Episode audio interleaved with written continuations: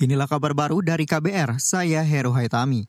Saudara Istana Kepresidenan merespon pernyataan bekas Ketua Komisi Pemberantasan Korupsi KPK Agus Raharjo soal adanya intervensi dari Presiden Joko Widodo agar KPK menghentikan proses hukum kasus korupsi EKTP yang melibatkan Setia Novanto. Koordinator Staf Khusus Presiden Ari Dwi Payana menyebut proses itu berjalan di KPK hingga Setia Novanto ditetapkan sebagai tersangka. Seperti yang kita ketahui bersama, pada tahun 2017 berjalan dengan baik dan sudah ada putusan pengadilan yang berkekuatan hukum tetap pada saat itu. Dan pernyataan resmi dari Bapak Presiden tanggal 17 November 2017, Bapak Presiden menegaskan agar Bapak Setia Novanto mengikuti proses hukum yang ada di KPK dan Bapak Presiden yakin bahwa proses hukum itu akan berjalan dengan baik. Koordinator Staf Khusus Presiden Ari Dwi Payana juga membantah agenda pertemuan Agus dengan Presiden Joko Widodo.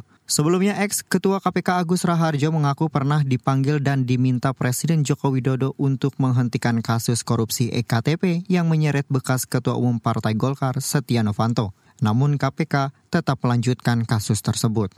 Kita ke informasi selanjutnya, Saudara Masyarakat Anti Korupsi Indonesia MAKI meminta kepolisian segera menahan Ketua Komisi Pemberantasan Korupsi KPK nonaktif Firly Bahuri. Firly saat ini berstatus tersangka dalam kasus dugaan pemerasan terhadap ex-Menteri Pertanian Syahrul Yassin Limpo dan gratifikasi. Koordinator Masyarakat Anti Korupsi Indonesia MAKI Boyamin Saiman mengatakan kepolisian harus mengambil sikap tegas dengan segera menahan Firly. Ia khawatir jika Firly tidak segera ditahan, maka berpeluang melarikan diri dan mengintimidasi saksi. Saya berharap dan meminta pada penyidik Polda untuk melakukan penahanan karena sebelumnya tidak kooperatif, dipanggil dua kali bahkan tidak ditangkap itu kan sudah tidak kooperatif itu kan. Alasan penahanan kan terutama kan memang lebih dari lima tahun itu objektifnya, subjektifnya takut melarikan diri, mempengaruhi saksi kan masih mempengaruhi, bisa mempengaruhi saksi. Koordinator Masyarakat Anti Korupsi Indonesia Maki Boyamin Saiman juga meminta kepolisian untuk tidak mengistimewakan Firly. Ia menyebut Firly Bahuri sudah meruntuhkan dan mencoreng citra KPK karena telah melakukan praktik kejahatan korupsi besar sebagai pimpinan pemberantas korupsi di Indonesia.